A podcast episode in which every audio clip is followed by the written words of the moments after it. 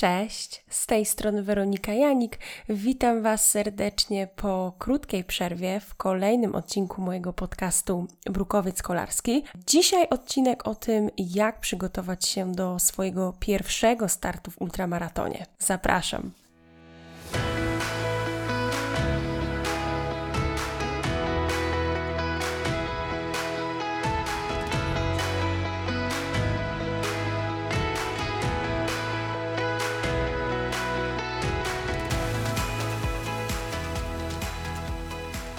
Wstępie bardzo Wam dziękuję za wszystkie Wasze odpowiedzi w ankiecie, którą przeprowadziłam na swoim Instagramie. To właśnie Wy w drodze głosowania zadecydowaliście, e, jaki temat poruszę w kolejnym odcinku mojego podcastu. Zatem nie przedłużając, dzisiaj złote rady o tym, jak przygotować się do startu w swoim pierwszym ultramaratonie. Zacznę od tego, że rady, którymi dzisiaj się z Wami podzielę, pochodzą z wydanej przeze mnie książki Bałtyk Bieszczady Tour Jak przejechać rowerem 1008 km, ale spokojnie możecie przełożyć je na start w jakimkolwiek wydarzeniu. Te rady zostały przeze mnie osobiście przetestowane podczas moich przygotowań do pierwszego ultramaratonu, także możecie mieć pewność, że te rady działają. U mnie sprawdziły się doskonale i mam nadzieję, że także Wam pomogą w przygotowaniach. Choć może zabrzmieć to dość trywialnie,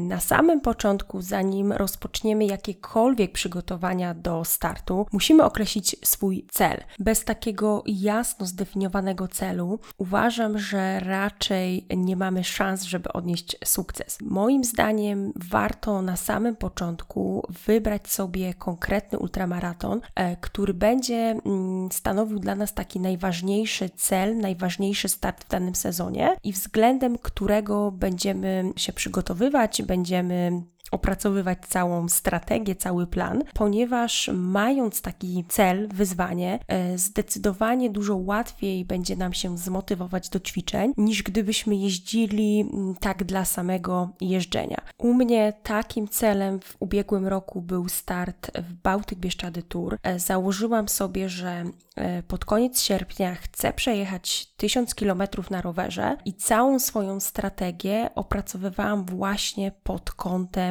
takiego długiego dystansu. W tym sezonie nie mam sprecyzowanych e, celów, e, nie mam też wybranych żadnych ultramaratonów, w których chciałabym wziąć udział i widzę, że jest mi dużo trudniej zmotywować się do takich e, konkretniejszych treningów, e, czy też do wielogodzinnych jazd na rowerze. Więc uważam, że posiadanie celu, a następnie konkretnego planu, jak ten cel osiągnąć, jest kluczem do sukcesu. Oczywiście tutaj ważne jest e, również, aby mierzyć swoje siły na zamiary. Rzecz jasna, warto stawiać sobie ambitne cele, ale nie zapominać e, przy tym o tym, jakie mamy aktualne możliwości. Raczej osoba, która nigdy nie jeździła na rowerze i nigdy nie miała jakiejś większej styczności ze sportem, e, nie będzie w stanie w ciągu trzech miesięcy przygotować się do e, startu w ultramaratonie liczącym 500 czy już w ogóle 1000 kilometrów. E, także tutaj mm, należy zdecydowanie obrać taki cel, który wiemy, że jesteśmy w stanie fizycznie zrealizować. I tutaj warto skonsultować się z trenerem, z lekarzem, czy też z fizjoterapeutą, a najlepiej z wszystkimi tymi osobami, które pomogą nam dopasować cel do naszych własnych możliwości, e, ponieważ nic tak nie frustruje i nie demotywuje na dalszym etapie, jak e, chociażby jakaś nawracająca się kontuzja, czy też dolegliwości, które uniemożliwiają nam trenowanie i przygotowanie do startu. Gdy już mamy obrany cel, e, wiemy w jaki sposób e, go zrealizować, mamy jakiś e, konkretny plan i drogę, którą należy podążać, e, musimy zacząć trenować. I tutaj ja nie będę mówiła nic odkrywczego, e, musimy po prostu jeździć jeździć. I tu absolutnie nie chodzi o to, żeby e, pokonywać jak największą ilość kilometrów, wychodzić na treningi liczące 300, 500 czy 800 kilometrów. Jakby nie tędy droga. E, musimy oczywiście wyjeździć odpowiednią ilość godzin, żeby po prostu nasze ciało przyzwyczaiło się do siodełka, do pozycji, którą mamy na rowerze przez kilkanaście godzin, ale absolutnie nie chodzi o to, żeby e, wychodzić codziennie na e, dobrych kilka godzin na rower i jakby poza tym nie widzieć e, świata. I znowu posłużę się tutaj własnym doświadczeniem. Ja w ubiegłym roku, kiedy przygotowywałam się do startów BBT, rzeczywiście trenowałam codziennie, ale absolutnie nie oznaczało to codziennej jazdy na rowerze. Zresztą przy moim trybie pracy byłoby to po prostu fizycznie niemożliwe, ale codziennie jakaś aktywność fizyczna była. Były spacery, było bardzo dużo zajęć zorganizowanych na siłowni, rozciągania. Zimą sporo jeździłam na trenażerze i przygotowywałam swoje ciało do pozycji na rowerze. Kiedy przyszła wiosna, starałam się jak najwięcej czasu oczywiście spędzać na tym rowerze na zewnątrz, ale z reguły było to tak, że mm, rano jeszcze przed e, robiłam sobie taki godzinny, dwugodzinny trening e, raczej o wysokiej intensywności. E, natomiast gdzieś tam w weekendy starałam się zrobić jeden dłuższy trening, 3-4 godzinny, ale zdecydowanie to nie było tak, że każdego dnia jeździłam jakieś ogromne ilości kilometrów, a w weekend to już w ogóle jechałam na 500 kilometrów i jak wyjechałam w sobotę rano, to w niedzielę wieczorem dopiero wracałam do domu. Nie tędy droga, a przynajmniej nie w mojej opinii. Co mogłabym tutaj doradzić, to udział w jakiejkolwiek imprezie zorganizowanej e, na krótszym, mniej więcej o połowę dystansie niż dystans tego naszego docelowego ultramaratonu. Taki start da Wam ogrom doświadczenia. Już nie chodzi tutaj e, tylko o to wytrenowanie i przejechanie jakiejś dużej ilości kilometrów, e, ale chodzi o takie sprawdzenie pewnych e, rzeczy, które mogą się zdarzyć na ultramaratonach, tego w jaki sposób zachowuje się nasz organizm, jak się czujemy, czy niczego nam na trasie nie brakuje, albo czy nie wieziemy czegoś ze sobą, co kompletnie nie ma uzasadnienia i zupełnie nigdy nam się nie przyda.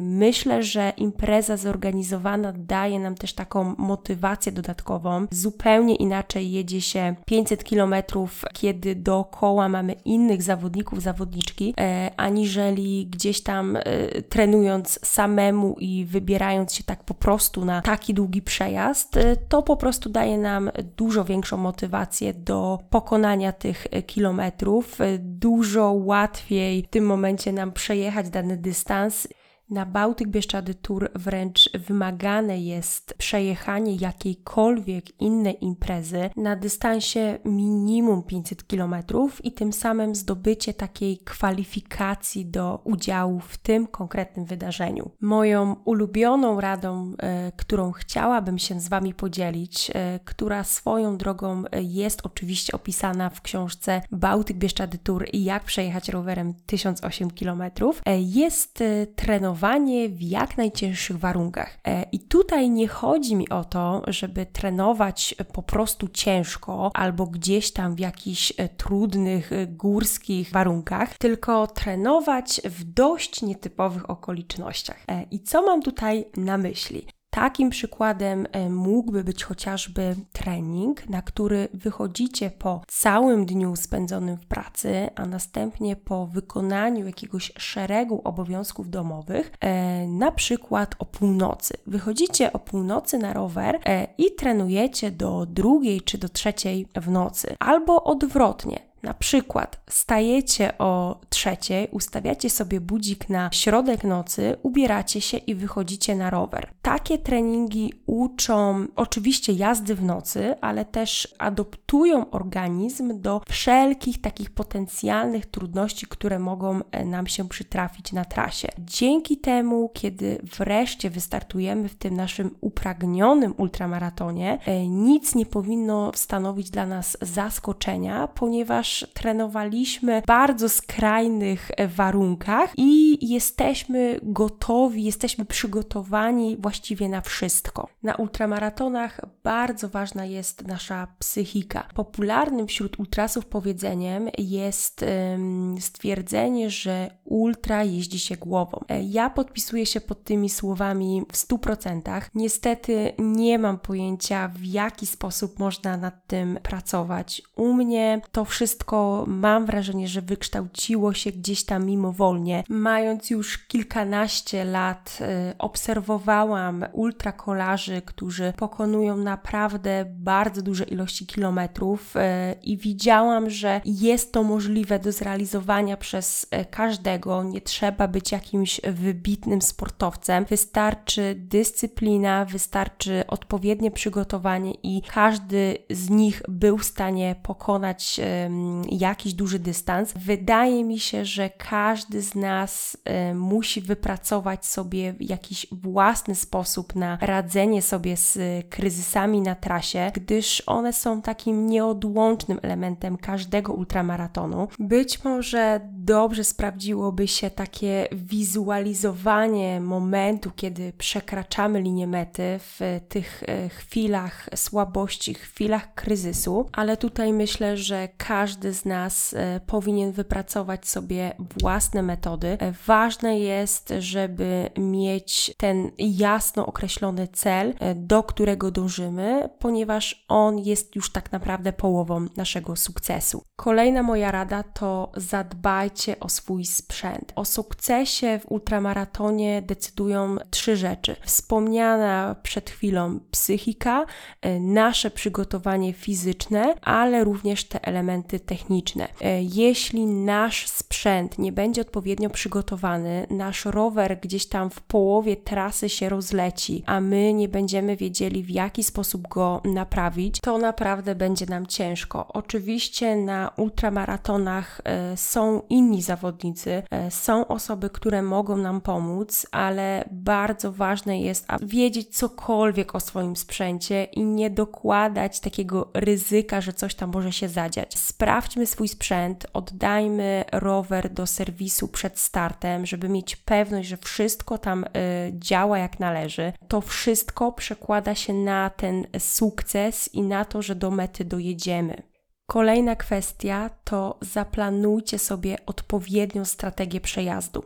Na Bałtyk Bieszczady Tour mamy punkty kontrolne i ja w Excelu rozpisałam sobie te wszystkie punkty, pisałam sobie również ile kilometrów jest pomiędzy poszczególnymi punktami i bazując na swoich średnich prędkościach obliczyłam sobie mniej więcej ile zajmie mi czas przejazdu pomiędzy poszczególnymi punktami. Założyłam sobie wersję optymistyczną i wersję pesymistyczną, która oczywiście też mieściła się w tym e, limicie 70 godzin i to pomogło mi na utrzymanie odpowiedniego tempa. Wiedziałam, że mniej więcej tyle zajmie mi dojazd do kolejnego punktu, e, że jeśli na przykład pojadę wolniej, to jest gdzieś ryzyko, że mogę nie zmieścić się w tym limicie, ale też mając taką rozpiskę, miałam gdzieś tam z tyłu głowy takie poczucie, e, że nie mogę też jechać zbyt szybko, że e, mimo iż w danym momencie e, może i czułam się bardzo dobrze, zdecydowanie mogłabym jechać szybciej, to jednak był to dla mnie taki hamulec, który mm, dawał mi do myślenia, że to nie jest moje tempo, że powinnam jechać swoje, powinnam jechać według swojego sprecyzowanego, konkretnego planu, który ułożyłam sobie na spokojnie w oparciu o to, co widziałam podczas treningów i na co rzeczywiście było mnie stać.